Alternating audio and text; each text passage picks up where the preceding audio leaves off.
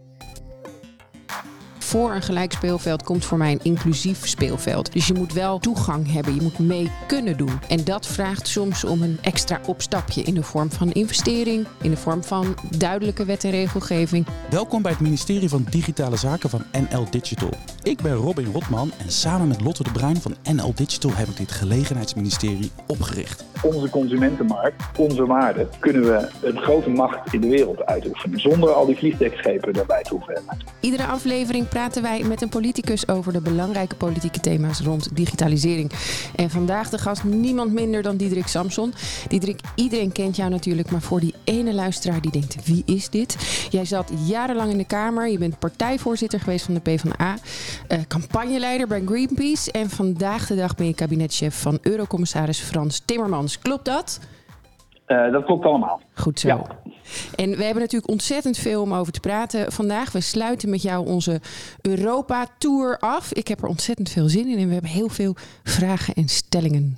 Ja, we hebben dus een, een zestal stellingen voor je. En uh, laten we gewoon beginnen met de eerste en dan uh, kijken we gewoon waar het schip heen vaart. Zonder slimme systemen is de Green Deal gedoemd om te mislukken. Dat klopt. Dat klopt? Dat is voor, dat is voor 100% waar. Leg uit. Uh, nou, kijk, als wij een duurzame toekomst tegemoet willen... Ehm, met bijvoorbeeld een klimaatneutraal energiesysteem, maar ook een volledig circulaire economie. Uh, het stoppen met het verlies aan biodiversiteit, al die ambitieuze doelen, dan kan dat niet zonder uh, digitalisering. tot, tot op het laatste draad, zeg maar. Hm. Um, als je bijvoorbeeld kijkt, als ik een wat huiselijk voorbeeld mag nemen, in de wijk van de toekomst Um, Zo'n nieuwbouwwijk, moet je maar eens voorstellen. Mm -hmm. Maar dan in 2035 of zo, tien jaar vanaf nu, dan gaat er geen elektro meer die wijk in of uit. Alle energie in die wijk kan in de wijk worden opgewekt en ook worden gebruikt. Als je slim, uh, slimme systemen toepast. Want in die wijk staan allemaal uh, elektrische auto's tegen die tijd. Mm -hmm. Die staan voor de deur. Zoals we weten, een elektrische auto staat 90% van de tijd stil. Een auto staat 90% van de tijd stil.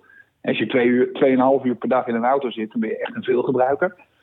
Um, en op alle daken liggen zonnepanelen. Ja. En de huizen, de huizen worden verwarmd met warmtepompen en zijn zeer goed geïsoleerd. Als je die drie systemen slim op elkaar aansluit, dan kan je op het moment dat bijvoorbeeld de zon niet schijnt en het is avond en de huizen moeten een beetje worden verwarmd en de televisie moet aan, dan ver, verzorgen de auto's die zijn opgeladen, die verzorgen de stroom. Um, en overdag, als het 12 uur uh, s is, de zon staat vol aan. Uh, de huizen hoeven niet te worden verwarmd en er staan een aantal auto's voor de deur, worden al die auto's helemaal volgeladen. Um, maar dan moet je natuurlijk wel werken met slimme systemen waarbij je de stroom uh, onderling kan afrekenen en op het juiste tijdstip kan gebruiken of kan produceren. Um, er zijn, wel, uh, er zijn al experimenten gaande met uh, uiteraard blockchain-technologie, waarbij je dus, want je, je, levert, je moet wel bedenken, je levert ook je stroom aan de auto's van de buren of van de buren van de buren. En soms gebruik je de stroom van de auto uh, van de mensen aan de overkant. En soms gaat jouw warmtepomp wat later aan, omdat je niet alle warmtepompen tegelijkertijd aan kan zetten. En dan moet je ook, kun je ook onderling afrekenen, want dan heb, je dan, dan heb je misschien iets minder comfort, daar kies je dan ook voor. Nou, al, die onder, al dat onderling afrekenen vereist natuurlijk een ongelooflijk slim systeem. De technologie daarvoor is er eigenlijk al. Ja. Kwestie van toepassen. En dan hebben we de wijk van de toekomst. Dit is wat jij doet. Hè? Ik kan me herinneren dat ik jou jaren geleden wel eens op tv heb gezien. Ik weet niet of dat in je PvdA-rol nog was of in je Greenpeace-rol. Maakt me eigenlijk niet zoveel uit. En toen had je het al over uh, hele praktische toepassingen. Zoiets van, als we nou wat vaker allemaal onze lichtknopjes uitdoen... dan maken we heel veel winst. Dat ging over besparing en efficiëntie. Nu zit jij, uh, ben jij echt een, een, een, een, een, een topper achter de schermen. Vooral nu in, uh, in Brussel. En dan gaat het over de grote thema's. En het eerste antwoord wat je geeft is een heel praktisch voorbeeld. Dat vind ik heel gaaf. Toch even die Green Deal, hè, waar jij nu mee bezig bent. Dat is een groot ja. thema. Dat is een, dat is een heel diplomatiek verhaal en een politiek verhaal. Even, even, even, even voor, de, voor, de, voor, de, voor de context. Die Green Deal, wat zijn nou de belangrijkste highlights uit de Green Deal? En dan wil ik daarna nog concreter ingaan op de rol van die digitalisering. Ja, die Green Deal, dat is dus eigenlijk gewoon dat ene plan om onze toekomst veilig te stellen. Om dat ecosysteem waarin we met z'n allen leven, dat is heel groot. Uh, om dat uh, te bewaren voor toekomstige generaties.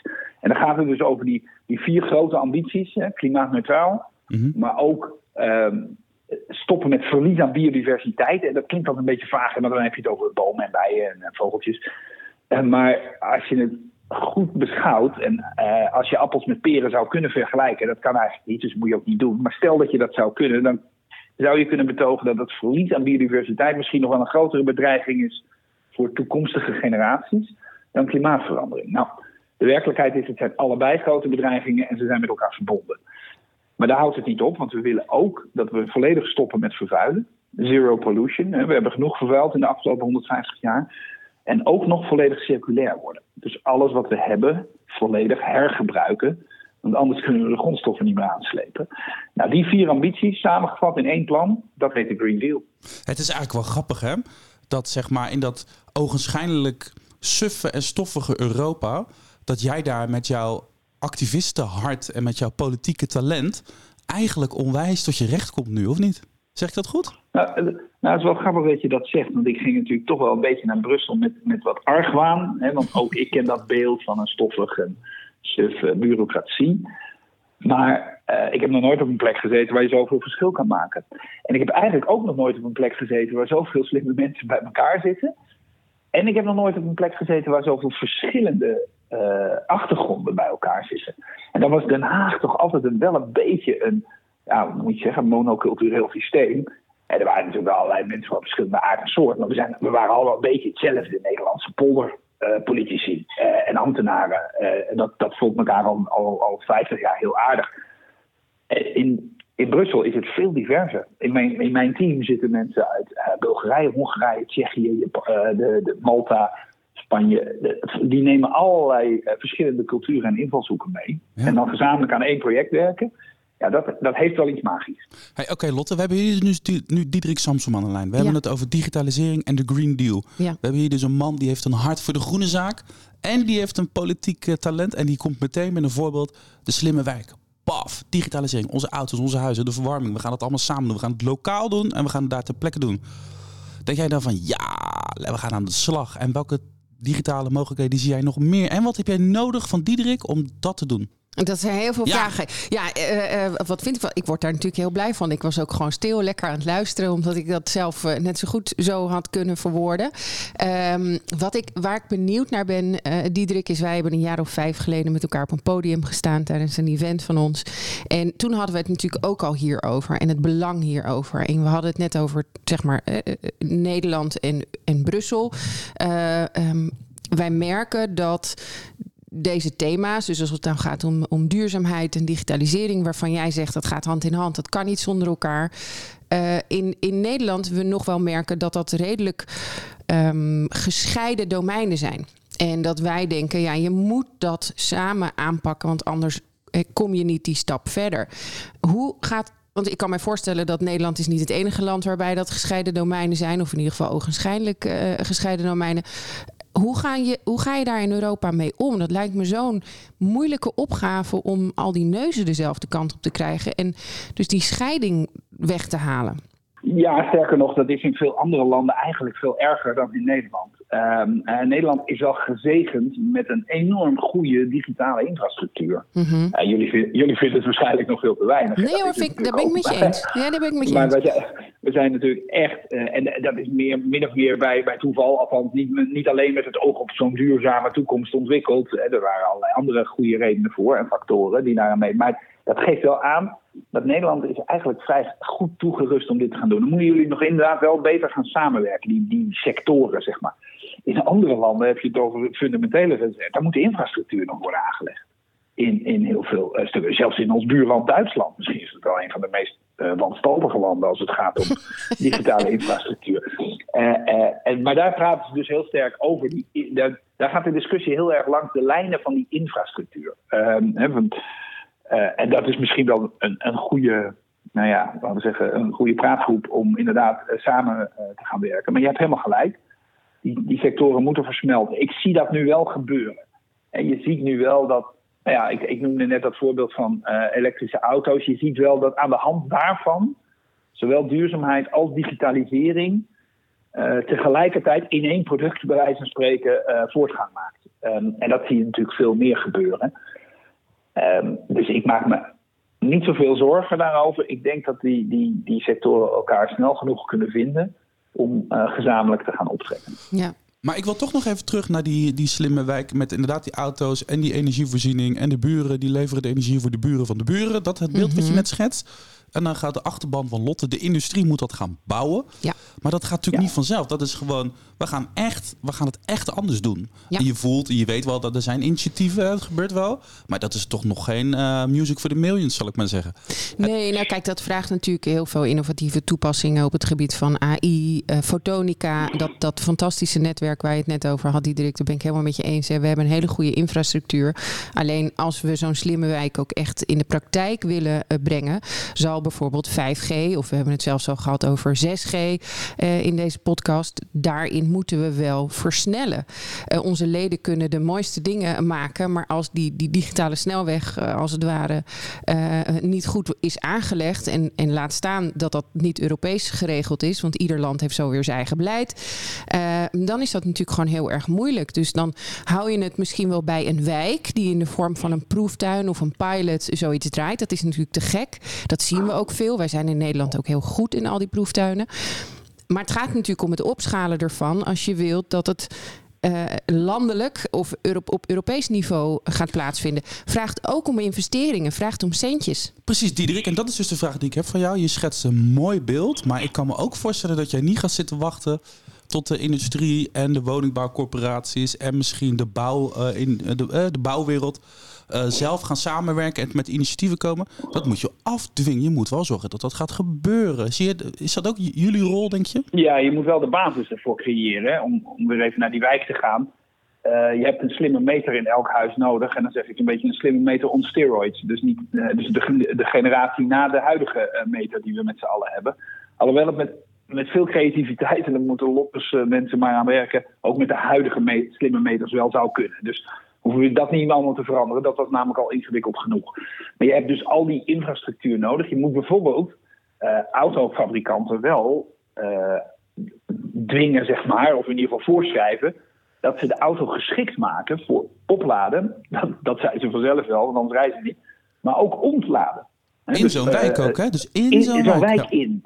Ja, dat vinden veel autofabrikanten een beetje ingewikkeld, want dan gaat die batterij, uh, die gaat die gaat onvoorspelbare dingen doen. En dat vinden autofabrikanten niet zo leuk. Mm -hmm. uh, en daar hebben ze ook wel re reden toe. Dus daar moet je met elkaar over in gesprek. Hetzelfde geldt voor, voor al die andere voorschriften. Je moet de basis creëren. Nou, daar maken wij, voor allerlei, maken wij allerlei regels voor.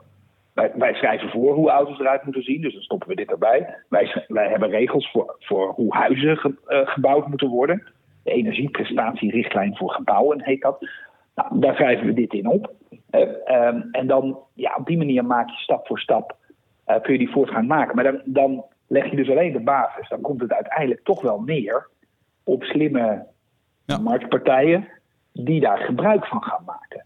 Um, en dus de, slimme energiebedrijven die dit soort aanbiedingen gaan doen, um, blockchain-technologie gaan bouwen voor, voor uh, het gebruiken en produceren en afrekenen onderling van energie. Ja. Um, maar ik zie dat overal al gebeuren hoor.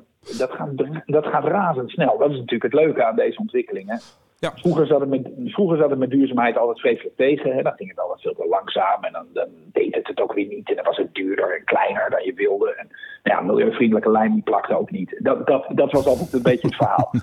en, en nu, plakt niet, ja. maar, maar nu, nu is het echt omgekeerd. Nu gaat het allemaal veel en veel sneller dan we dachten. Wie had nou gedacht, uh, uh, nog geen vijf jaar geleden, dat, dat elektrische auto's zo'n opmars zouden maken, nu al in Nederland? Ja. Uh, hetzelfde geldt voor zonnepanelen. Je was tien jaar geleden toch een, een beetje een milieusok als je, als je zonnepanelen op je dak had. Ja, hartstikke veel geld. Nu liggen ze overal. Nooit... Ja. En nu liggen ze overal, want het is gewoon. Nu maakt de, de, Jan Smit, geloof ik, reclame voor die dingen. Nou, dat is een hartstikke.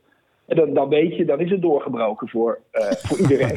Oké, okay. um, helder. Het is helder. We gaan naar de volgende stelling, Diederik. En die gaat uh, Lotte aan jou voorleggen. Wij gaan de stelling om zijn beurt aan je voorleggen. Het energiegebruik van de digitale sector moet drastisch omlaag. Oh, ja. Is dat zo, Diederik? Jazeker. Ja, ja, ja, dat is wel echt een groot probleem. Als we nu zien wat die datacentra en alle andere uh, schakelingen en chips die we uh, hebben, wat die aan energie slurpen, dat is enorm. En, en daar moeten we echt sprongsgewijs stappen in zetten. dat is een ontwikkeling die nog niet zo lang geleden is ingezet. Er was in het begin toch altijd wat een naïeve gevoel dat je, als je dematerialiseerde, mm. dus van, van nou ja, materiaal naar digitaal, dan, dan had je sowieso milieuwinst geboekt immers, toch? je hoeft geen boom meer om te hakken om papieren te maken en dat soort dingen. Dat blijkt toch tegen te vallen, want het energiegebruik compenseert die winst ruimschoots. Um, en daar ga je dan. Jullie uh, moeten drastisch energieverbruik omlaag gaan brengen, Lotte. Ja, ik hoor het. Ja, mijn mening is iets genuanceerder. ik dacht, dat gevoel had ik al. Ja, nee, ik, even los van het feit dat we... Ik heb het er heel recent nog over gehad... Um, dat de besparing zeg maar, van de centralisering van datacenters, dus die enorme datagroei die dan op één plek terechtkomt, uh, dat we daar echt nog wel een stap verder in moeten zetten. Dan heb je het echt over de energiesettings in hardware, dat alle gebruikers, klanten dat ook aanzetten. Want die zijn er. Power savings heet dat. Maar we zetten ze niet allemaal aan. Dus dat kan je nog echt heel veel stappen mee zetten. En ik denk ook dat het iets vraagt van gedrag van mensen. Want iedere, we hebben wel eens een gesprek gehad met de Lammert, Lammert van Raan van uh, Partij voor de Dieren. En die zei ook: klik is carbon. En het gedrag van mensen dat je, hoe makkelijk je klikt, online iets bestelt, dat dat zorgt voor data. Daar gaat een pakketje over die digitale snelweg en dat vraagt energie. Um, dus dat is zeker iets waar we ons veel bewuster van moeten zijn. En ik denk dat qua energie-efficiëntie onze sector al mega veel stappen heeft gezet. En dat we er nog niet zijn. Lotte brengt altijd een, uh, een, vraag mee uit haar achterban. Die gaat volgens mij ook hierover dit keer. Lotte, wie heb je meegenomen en wat is de vraag? Ja, ik heb een vraag van Anne-Marie Anne Costeris. Zij is Government Affairs Lead uh, in Nederland bij Microsoft. En haar vraag krijgt een kleine introductie. Zij zegt dataverkeer, digitalisering en ontwikkelingen als AI, kunstmatige intelligentie, groeien als kool. Hoe ziet u de groeiende vraag naar energie voor digitalisering samengaan met de overal energie- en CO2-reductie doelstelling van de Green Deal? Wat zijn volgens u de volgende stappen en of investeringen die digitale bedrijven hierin moeten nemen? En welk Europees beleid is hiervoor nodig? Het zijn drie vragen in één. ja, dat, dat, sluit aan op het vorige punt. Um, en, en, ook daar hebben we al eh, wetgeving voor in ontwikkeling. En dat betekent dat uh, inderdaad datacentra um, hun efficiëntie ongeveer drie keer zo efficiënt moeten worden als ze nu zijn. Als je, de, als je de, het einddoel uh, neemt. En dat betekent, dat betekent nogal wat. Uh, het betekent in ieder geval een totaal andere manier van koelen. Uh, want dat is de grote energieverbruiker, of een grote energieverbruiker daar in de digitale wereld. Um, ik, kijk, je, hebt nu, je hebt nu al van die datacenters, Lotte zal het beter weten dan ik natuurlijk, waar, die niet meer met lucht worden gekoeld, maar met olie. En dan drijven die computers feitelijk als, als een soort uh, zo'n enorm aquarium. En dan drijven dan die computers in de olie. Die blijven dan uh, uh, precies warm genoeg of koud genoeg om goed te kunnen functioneren. Die olie wordt hartstikke warm. Dus de tweede stap is die warmte gebruiken. Ja, niet aan de vogels voeren, niet aan de vogels voeren, maar aan een wijk. En dan is het een voordeel als je met die olie koelt, want die wordt heter dan de lucht. Hè? En zo'n datacentrum blaast lucht van 30 graden naar buiten. Ja, daar kun je eigenlijk niet zo gekke veel mee. Dat is best ingewikkeld om daar nog iets nuttigs mee te doen. Maar olie van 60 graden, daar kan je hartstikke veel mee. Daar kun je namelijk een wijk mee verwarmen. Met 60 graden water. Um, dus dat, dat, dat is uh, stap 2. En eigenlijk is stap 3, en ik hoop dat we nog zover komen, totaal andere computers. Dus dat hmm. betekent inderdaad, dat betekent inderdaad uh, uh, fotonica, quantum computing. Die, die stap in de toekomst zal ook enorm veel energie kunnen besparen als we dat goed doen. Ja, daar wordt aan gewerkt. Hè. Daar hebben we ook een leuke aflevering over gemaakt. Over zeg maar die uh, industriepolitiek en hoe Europa uh, zeg maar een rol kan spelen om, om, om de Europese ondernemers te, te stimuleren om daar de lead mee te nemen. Dus die moeten de luisteraars vooral ook terugluisteren. Maar ik heb toch nog een vraag, Diederik, hierover aan jou. Wat het bij mij bekruipt, kijk, ik ben een relatief buitenstaander. Hè? Ik, ik mag deze podcast een beetje aan elkaar kletsen. Ik, jullie zitten er veel dieper in. Maar bij mij bekruipt ook een beetje het gevoel. Ik hoor je eerst zeggen, we hebben een Green Deal. Digitalisering gaat daar een hele essentiële rol spelen. We hebben daar hele hoge verwachtingen van. We willen ook dat ze heel veel gaan doen. En dan denk ik van, ja jongens... En dan ga je toch niet ook nog tegelijkertijd zeggen, die industrie moet dan ook wel weer een hele strenge voorwaarden voldoen. Dan denk ik, ik heb nou vertrouwen dat die gasten met toffe initiatieven komen. De besparingen die het allemaal gaat opleveren, die zijn natuurlijk vele malen hoger dan het beetje extra energie dat ze verbruiken. Laat ze nou even een beetje en dan komt dat vanzelf wel. Of is dat... Give, ja, nee, them a break. Je wil en dat ze de wereld gaan veroveren. En ook nog eens een keertje dat ze dat op een heel efficiënte manier doen. Ik snap het wel, maar ik denk ook van, geef ze wat lucht, man. Ja, maar dat, dat geldt voor iedereen, deze op, dubbele opdracht. Uh, dus niet alleen voor de digitale sector. Dus die zetten we echt niet extra hard in de hoek of iets dergelijks. En uh, wat je net zegt, dat was inderdaad wat ik beschreef, dat was een beetje het oorspronkelijke gevoel. Hè? Als je maar dematerialiseerde en digitaliseerde, dan kwam het vanzelf goed. En dat blijkt dus toch niet zo te zijn. Dat is, nog, dat is jammer, uh, maar dat is wel de werkelijkheid en dat is overigens ook best logisch. We hebben de discussie, zien we overal om ons heen. Uh, die gaan dan straks niet alleen nog over het energiegebruik, maar ook over het ruimtegebruik van al die uh, datacentra en, en, wat daarmee. En daar moet je toch iets mee doen. Uh, ja, hoe je het ook of verkeerd. En kijk, die digitale sector moet als geen ander in staat zijn om die innovaties die we van ze vragen ook daadwerkelijk door te voeren. Even, dus even, even, even dubbelchecken. Die dubbele opdracht is dat. Dus ik ben, uh, ik stel een kritische vraag aan Diederik, maar jij zegt die dubbele opdracht die kunnen we wel hebben. Ja hoor, doen we ook al hartstikke. We werken ook heel veel samen om te kijken hoe dat beter kan. Uh, en en ja, er ligt gewoon een hele lange weg nog voor ons, wat goed is. Ja. Um, en we trekken daarin samen op, dus volgens mij gaat het hartstikke goed. Oké, okay, ik heb de volgende stelling. Die gaat ook over de sector. En Diederik, die gaan we eerst even aan Lotte voorleggen. Mag jij op Lotte reageren voor de verandering? En die stelling is als volgt. De digitale sector is de meest circulaire sector. Lotte. Ja, eens. Ja? Ja, daar ben ik het mee eens. En nou weet ik uh, waarschijnlijk... Uh, nee, ik wil eerst weten waarom oh, okay. jij vindt dat jullie zo seculair zijn. Nou, A, omdat uh, zeg maar, als het gaat om de producten... dat die heel veel worden hergebruikt. Na het hergebruiken worden ze heel goed gerecycled. Alle materialen, hoogwaardige materialen in zo'n systeem... worden echt voor 100% hergebruikt. Um, even als je de volle breedte van circulair kijkt en je gaat naar dat, dat hergebruik toe, dan zorgen we er ook voor dat mensen die geen toegang hebben tot systemen met ons project allemaal digitaal. Hè, dat gaat veel meer over inclusie. Die krijgen dan een systeem om toch nog in contact te staan met, uh, uh, met de maatschappij. Dus ik denk dat wij dat hartstikke goed doen. En daarnaast zijn wij natuurlijk ook qua toepassing hebben we het net al over gehad, hoe dat bijdraagt aan een circulaire economie. Dus ik zeg hier heel hard ja tegen. Oké, okay, dit was de one-minute pitch van de, de digitale industrie. de digitale sector is de meest seculaire sector. Wat vind jij ervan? Ja, het is niet zo'n spannende wedstrijd, helaas. Want uh, de sectoren zijn, er is eigenlijk geen heel goed circulaire sector nog. Dat is juist het grote probleem van onze economie. We zijn een weggooieconomie. Jij zegt, ze zijn geen van alles circulair genoeg eigenlijk. Nee, nee dus, ja, dus okay. misschien, is het wel, misschien ben je wel de beste. Dat wil ik je graag nageven. De beste van de slechtste. Dat ik altijd. het, is niet zo spannend, het is niet zo'n spannende wedstrijd. Want kijk, wat ik al zei, we zijn een weggooien-economie en helaas horen onze digitale apparaten daar ook gewoon bij. En dat heeft meer met die mensen dan met die apparaten te maken. Alhoewel, en nou kom ik toch bij een, uh, een wat aanvullende vragen en, uh, en, en, opdrachten. Alhoewel die sectoren dat nog wel iets beter kunnen. Hè. Um, dat apparaatje wat wij allemaal heel erg vaak gebruiken, daar, zijn, er zijn variaties van waar je de batterij niet eens kan wisselen.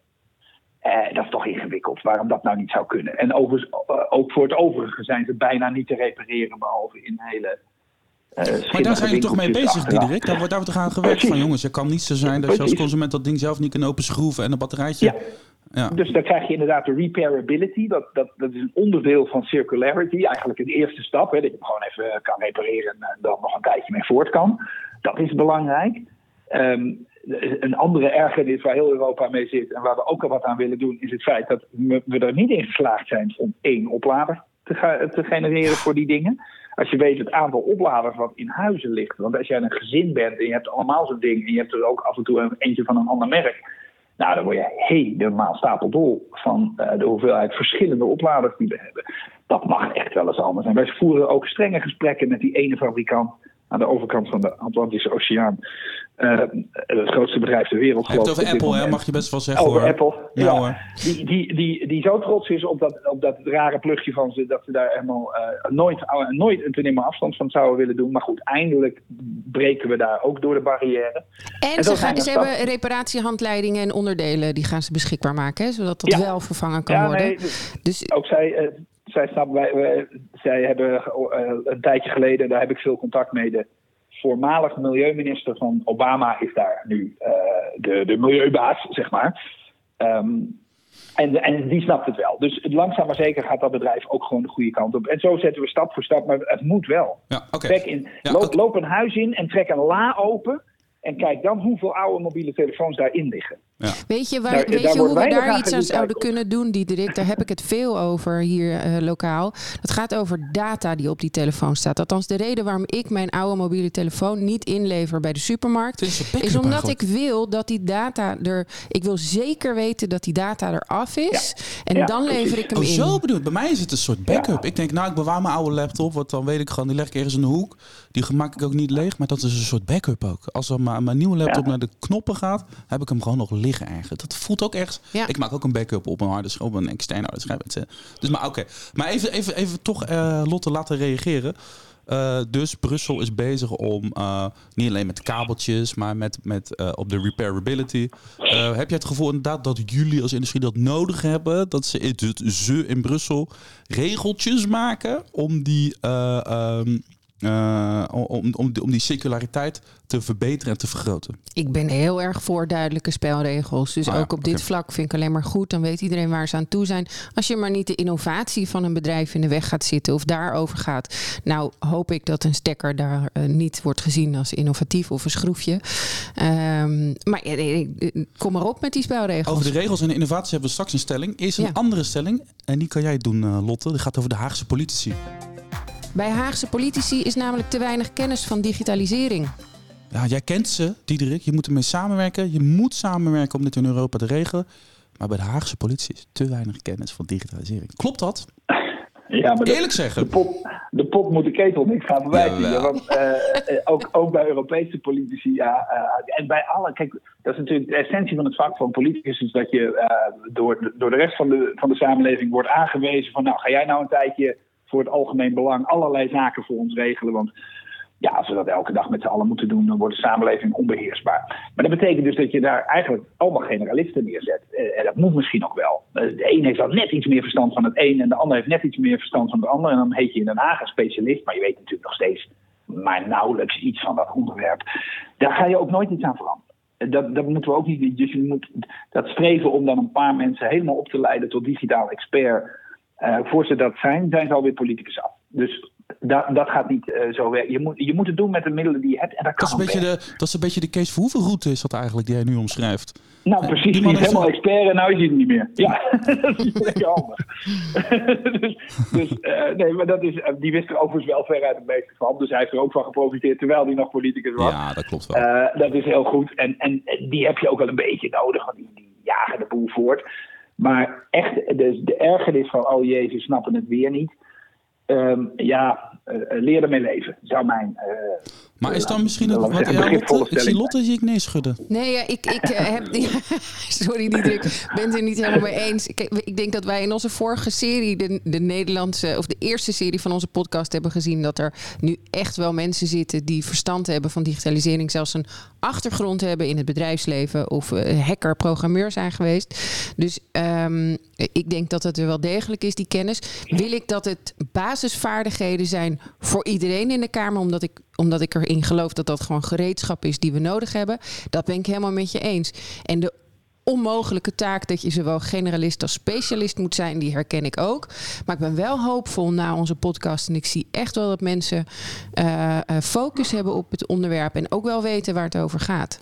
Maar weet je wat... Maar dat is, ja. dat is natuurlijk ook gewoon het gevolg van het feit dat er een nieuwe generatie eh, Ja, nou, zeker. politici aantreedt. Die is opgegroeid met, nou ja, bijna, ja, soms wel helemaal.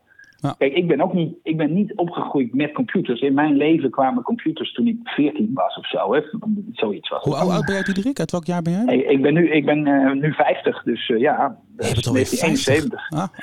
Ja, en, en wij, mijn generatie, eh, en ook nog wel de mensen die iets jonger zijn dan ik, die beginnen dus ook een bladzij gewoon, en dus ook een computerscherm linksboven te lezen en kijken wat erop staat. Ja. Als ik kijk naar mijn kinderen, die zien een computerscherm in één keer. Alsof het een woord is. Wij zien ook woorden in één keer. Als je dat niet eh, heet, dan ben je zelfs woordblind of eh, dyslectisch. Eh, maar zij zien een heel scherm in één keer. Dus als wij een nieuw spelletje of iets anders openen, als ik dat met mijn kinderen doe, die zijn mij tien keer te snel af. Dat is een beetje die, begin, die digitale ik intuïtie van de nieuwe generatie is dat, hè? Ja. Maar ik wil, even, ja, ik wil even terug naar die, naar die Haagse politie. Oké, dus eh, of de vraag of ze wel of niet digitaal eh, vaardig genoeg zijn. Die- hè, Oké, daar hebben we nu over gehad. Maar dan dat andere ding. We hadden het met Bart Groothuis over NIS 2. En NIS 2, dat is zeg maar wat de GDPR voor de privacy is. Hè? Dat, dat in een Brusselse regelgeving om privacy af te dwingen. En, en nou, dat, maar, ga kort door de bocht, maar toch. Dat is NIS 2 voor veiligheid, voor cybersecurity om uh, dat af te dwingen bij overheden en bedrijven. En Bart Groothuis zei van, dat is nu super hot in, uh, in Brussel. En hij zei, het jammer vind ik, daar gaan ze in Den Haag net even te laat over meepraten. Die wachten tot er iets ligt. Dan komt het in Den Haag. Maar dan is het eigenlijk al te laat. Ze moeten er al over mee gaan praten, over debatteren in de Kamer. Wat willen wij ervan? op het moment dat in Brussel de knopen nog niet zijn doorgehakt, is dat misschien het probleem. Dat de timing gewoon net even onhandig is. Dat, dat we de urgentie net even missen, waardoor we toch achter de feiten aanlopen. Dat is een probleem, maar dat is voor elk onderwerp een probleem. Ah. Uh, nee, dus dat geldt voor alle Brusselse regelgeving. Of het nou over kaas gaat of over digitalisering. Uh, in alle gevallen zie je dat nationale lidstaten, en overigens met name Nederland, uh, daar net wat later op inhaakt. En misschien wel uh, goed van vertrouwen. Hè, zo van, nou, ze doen het in Brussel sowieso wel aardig. Diederik dus zit daar, dus dat komt wel goed? Ja, daar hoeven we niet vanaf het begin op te letten. Maar misschien is het ook een beetje uh, onwetendheid of zelfs wat arrogantie. Hè, want ja, god, Brussel dat bepaalt toch niet hoe het gaat. Um, en je ziet andere lidstaten veel beter als een bok op de haverkist zitten bij het begin van wetgeving. Mm -hmm. En inderdaad, het begint al ver voor de conceptie, zeg maar. Uh, dus je moet echt wel opletten uh, en meestal als je, als je het ziet gebeuren, dan ben je eigenlijk al te laat. Hm. Vind jij dat wij als, als, als sector daar ook iets uh, een rol in hebben? Ja, ik zie overigens, kijk, het bedrijfsleven is, is natuurlijk wel in Brussel ge, geland. Uh, dus mm -hmm. die zijn er over het algemeen wel vroeg bij. Soms initiëren ze zelfs wetgeving. Hè? Dat, daar ben je helemaal, dan sta je aan de geboorte. Uh, dus dat, dat, uh, ik geloof niet dat jullie heel veel nog daar het been bij moeten trekken. Ik denk inderdaad toch wel dat vanuit lidstaten zelf dus politiek, maar ook bestuur op, op landelijk niveau. Ja, die, die zien het vaak gewoon te laat. Dat is een, dat is een eeuwige frustratie waar al, al jaren geprobeerd wordt iets aan te doen. Met horten en met stoten. Het wordt wel beter. Hè? Dus de, de Tweede Kamer wordt beter geïnformeerd in een eerder stadium dan vroeger. Maar het blijft natuurlijk veel te laat. Ik heb een nieuwe stelling. We hebben de DMA, DSA, AI Act, NIS 2, CHIPS Act. En dan zeg ik van oké, leuk. Maar al die regels zitten de innovaties eigenlijk ook een beetje in de weg. Ik snap dat gevoel wel. Maar um, het rijtje wat je opnoemt is nou net het rijtje wat eigenlijk bedoeld is om de achterstand die we met Amerika hebben opgelopen in te halen. Mm -hmm. uh, als je kijkt naar bijvoorbeeld uh, de grote dataplatforms, um, die zijn allemaal Amerikaans. En heel veel van die platformeconomie is dus ook Amerikaans. Wij zijn eigenlijk volledig afhankelijk voor, voor heel veel van onze economie. En dat wordt steeds fundamenteler. Hè? Het wordt steeds meer basisbehoefte wat we, wat we via die digitale snelweg uh, doen. Daar zijn we hartstikke afhankelijk van Amerikaanse bedrijven. Omdat we simpelweg geen Europees uh, equivalent hebben. Ja, oké, dit vind ik een mooie. En, en dat, is eigenlijk, dat is eigenlijk niet goed. En, en, en daar zijn nou deze DSA, DMA-toestand dingen... die zijn ervoor bedoeld om een soort ja, eh, hoe heet dat, basis te creëren. Waarop die, die Europese digitale industrie dan haar eigen zaken kan gaan Oké, en dan ga ik naar, moet je, Ja, oké, wacht. Ja, en dan kijk ik nu even naar, naar Lotte. Sorry hoor. Uh, oké, dus deze regels zijn bedoeld om de innovatie te vergroten. Jij vertegenwoordigt hier in de industrie. Die mm. moeten dus zeg maar nu de alternatieven gaan bouwen voor die grote Amerikaanse bedrijven waar we niet meer afhankelijk van zijn. Heb jij nou ook het gevoel dat dat inderdaad nu, dat je dat je op deze manier inderdaad gestimuleerd en gefaciliteerd wordt door Brussel. Voel je die ruimte ook dan nu ineens? Nou, wat ik natuurlijk al eerder zei, is wij zijn voor duidelijke spelregels. Creëer duidelijkheid in de markt. Uh, zorg voor een Europese standaard. Hebben we gezien bij AVG. Dus ik ben het ook niet per se eens met de stelling. Ik denk wel dat het in de uitwerking van dit soort plannen uh, belangrijk is om te kijken naar de impact van het middel-klein bedrijf. Van al deze wet en regelgeving. Um, dus ik, ik begrijp het doel van het willen creëren van een Europees alternatief. Overigens denk ik van, goh, moet je alles zelf willen of moet je vooral gaan ontwikkelen waar je al goed in bent? Hè? Technologieën waar we het eerder over hebben gehad. maar kijk naar de impact op het bedrijfsleven, op het, middel, op, op, het MKB. Bijvoorbeeld, maar dat is even een, een lokaal iets over het afschaffen of het aan banden leggen van Google Analytics. Nou, dat, dat lijkt dan gericht op dat bedrijf. Maar ondertussen wordt eigenlijk iedere gebruiker daarvan, wij ook als vereniging, is de dupe. Wij hebben straks ook een probleem met de analyse van onze data en de website. En die uh, consequenties mogen wat mij betreft nog wat duidelijker over het voetlicht worden gebracht als het gaat om het implementeren van die wetgeving. Dat kan lokaal, of nationaal of in Brussel. Mag ik hem concreet aan je voorleggen, Diederik? We hebben dus nu, je, je schetst een paar ontwikkelingen. We zijn dus afhankelijk geworden van grote buitenlandse bedrijven of bedrijven van een ander continent zelfs. Maar oké, er zijn, je ziet ook ontwikkelingen aankomen waar we wel aan de voorkant gaan staan. Bijvoorbeeld de metaverse. Ik weet niet precies hoe dat eruit gaat zien, maar je weet wel dat dat gaat komen en groot gaat worden. We hebben het over, vaak over 5G en straks hebben we het over 6G. Dat gaat over de infrastructuur. Dat zijn, daar komen kansen op ons af. Die zitten we nu nog in de kinderschoenen. En dan weet je, oké, daar kunnen we nu ervoor zorgen dat we niet over een paar jaar ook weer gaan zeggen: we hebben het weer laten gebeuren. We zijn weer afhankelijk geworden van buitenlandse spelers. En je ziet het nu alweer bij 5G. Dan komen we in Europa er niet uit. Ja, dan moeten we toch die buitenlandse partijen erbij gaan halen om die dingen te bouwen. Of niet, ofwel. En alle landen die doen het weer allemaal anders. Dus dan lukt het niet om nu aan de voorkant dat toch te regelen. Voel jij dat ook zo? Ja, maar je kunt het ook niet echt regelen. Uh, innovatie innovatie proberen voor te duwen is een soort uh, duwen aan een touw. Dat, dat, er gebeurt wel wat hoor in dat touw, maar je kent dat van het gymnastieklokaal van vroeger. Maar het is natuurlijk toch, eh, je weet niet wat er aan het eind plaatsvindt.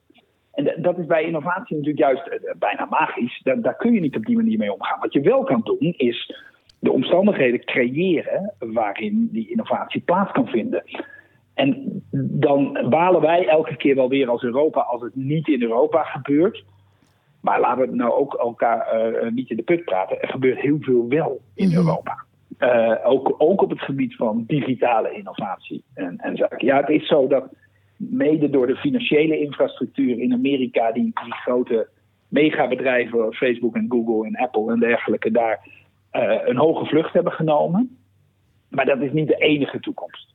Er gebeurt genoeg in Europa. Ja, dat weet ik. Het, is wel, zo, het, is, het is wel zo dat wij in Europa altijd, ook door onze uh, ja, door onze waarden uh, wat extra voorwaarden opleggen. Ook over privacy, ook over gebruik van data, inderdaad.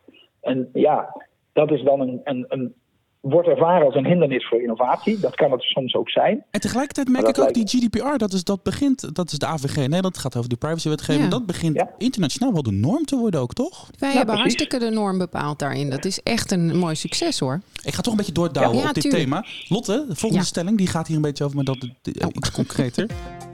Europa is te verdeeld om echt regie te nemen voor een optimale digitale toekomst. Nou, hier hadden we het net al een beetje over, maar toch even een reactie. Ja, dat is nou ja, dat, dat zie je. Kijk, je hebt voor sommige uh, ontwikkelingen uh, sommige, heb je landen nodig ter grootte van een continent.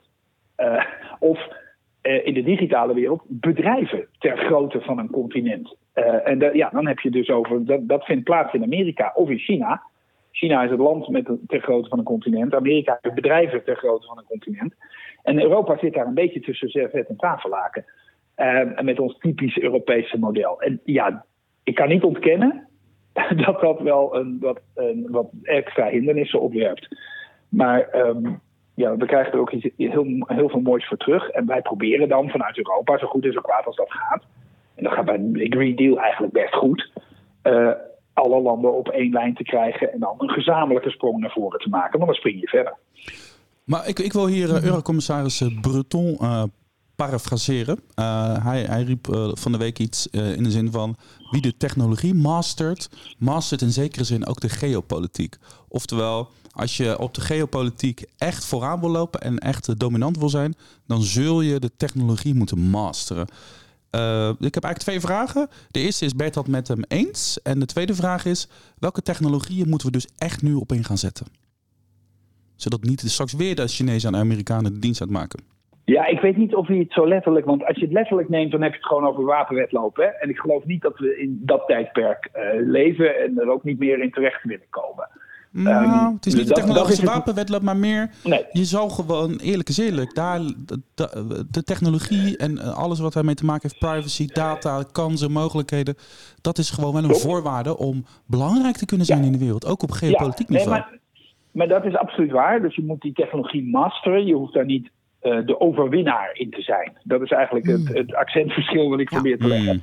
Eh, en, daar, eh, en wij masteren die technologie. Daar ben ik eh, van overtuigd. En ik ben er ook eh, best optimistisch over dat we ook de nieuwe ontwikkelingen, ook 5G, ook 6G, ook self-driving vehicles, ook de- al, die, al die nieuwe eh, zaken, daar kunnen we in Europa eh, een plek voor vinden. Sterker nog, eh, Europa is er heel geschikt voor. Als je het over zo'n eh, Europees eh, eh, industriepolitiek hebt, hè, moeten we dan een, een gelijk speelveld waarborgen, maar wel iets gelijker voor Europese bedrijven? Ja, dat is, wel, dat is een beetje die Franse inslag, inslag die je nu beschrijft. Zo, toch jezelf nog net even meer bevoordelen. Want ja, god, thuis is altijd goed. Koop Hollands gewaar. Mhm. Ehm, ja, nee. Wij, wij gaan echt wel uit gewoon van een gelijk speelveld voor iedereen. Eh, daar wordt iedereen beter van. Het probleem wat wij vooral proberen te bestrijden... is dat andere eh, delen van de wereld inderdaad zichzelf proberen te bevoordelen. Daar, daar is, eh, dat is nou ja, niks nieuws aan. Zij doen En het namelijk wel, hè? Ja, precies, precies. Eh, dus daar moet je wel tegenwicht aan proberen eh, en kunnen bieden. En dat kan ook. Hè. We hadden het net al even over, Europa zet vaak de standaard. Dat is ook heel logisch. Europa is de grootste consumentenmarkt ter wereld. Mhm. Als jij, als jij een product wereldwijd wil verkopen, dan moet je het op de Europese markt kwijt kunnen. En daar kunnen wij de voorwaarden aan stellen. Dat doen we dan ook. En bedrijven willen graag aan die voorwaarden voldoen. En daarmee zetten wij de standaard. Dus we hoeven onszelf echt niet onder de korenmaat te steken. En ook niet al te bang te zijn voor die toekomst. Eh, met dat enorme wapen, tussen aanhalingstekens, namelijk onze markt, onze consumentenmarkt, onze waarde, eh, kunnen we een grote macht in de wereld uitoefenen. Zonder al die vliegdekschepen daarbij te hoeven hebben. Maar Ja, oké, Ja. maar los van die vliegdekschepen, Lotte, dat gelijke speelveld. Ik weet dat het ook een, altijd een stokpaardje voor jou is. Hè? Jij zegt altijd dat, dat vind ik belangrijk. Ik wil helderheid, duidelijkheid, Ja. goede spelregels. Ja. Maar dan toch wel iets gelijker voor Europese bedrijven, voor, voor, jouw achterban. Wat? Nee, want mijn achterban bestaat uit eh, wereldwijde bedrijven. Dus ik, Ah, eh, dat is, eh, wat mij betreft, is het inderdaad, moet het gelijk zijn voor iedereen. Maar voor een gelijk speelveld komt voor mij een inclusief speelveld. Dus je moet wel toegang hebben, je moet mee kunnen doen. En dat vraagt soms om een extra opstapje in de vorm van investering, in de vorm van duidelijke wet en regelgeving, zodat zeg maar als je het ziet als een wedstrijd, dat aan de start dat je daar staat als gelijke partij en dat je ieder de kans hebt om die finish te halen. Dat vind ik belangrijk en die ongelijkheid, eh, eh, ja, daar, die moeten we aanpakken, denk ik. Ik, ik denk dat Diederik, als je zegt van we gaan het gelijke speelveld afschaffen, maar we maken er een inclusief speelveld van, dan kan jij wel mee leven, toch? ja, dat is volgens mij. Ja, ik weet niet, dan wordt het een beetje een definitief Ja, het wordt dan weer mee- ja. We een bedoelen woordspelletje. hetzelfde. Ja. We eindigen onze po- opnames heel de tijd met de vraag van eh, die ministerie van Digitale Zaken, dat ministerie, moet die er nou komen? Ik, ik, ik heb hem in een stelling gegoten en die luidt als volgt. Een minister van Digitale Zaken is eigenlijk niet nodig in Nederland, want daarna gaat er uiteindelijk helemaal niet over. Dat is Brussel. Eh, moet ik eerst? Je Ja. moet kiezen, ja. ja, ik weet. ja, maar dat is geen argument. Want Brussel gaat over heel veel zaken waar je uiteindelijk toch in Nederland nog een minister voor moet hebben om dat allemaal te laten landen. Brussel, we zijn geen federatie. Eh, eh, het is, we zijn een unie met, van, van 27 lidstaten waarin elke lidstaat op zijn eigen manier omgaat met die eh, Brusselse regels. Ehm, soms, eh, inderdaad, hebben, is het zo noodzakelijk dat je allemaal gelijk optrekt dat je als, als land geen enkele speelruimte meer hebt. Maar heel vaak geldt voor Brusselse regels dat je ze op je eigen manier mag invoeren. Dus stel dat je een minister van Digitale Zaken zou hebben, dan, dan zou dat. Dan zou die al die Brusselse, die DMA en die DSA en al die andere wetgeving eh, in Nederland implementeren. Ik denk dat er een andere reden is waarom je helemaal geen minister van Digitale Zaken nodig hebt. En dat is dat je niet moet proberen om het in één hand te houden.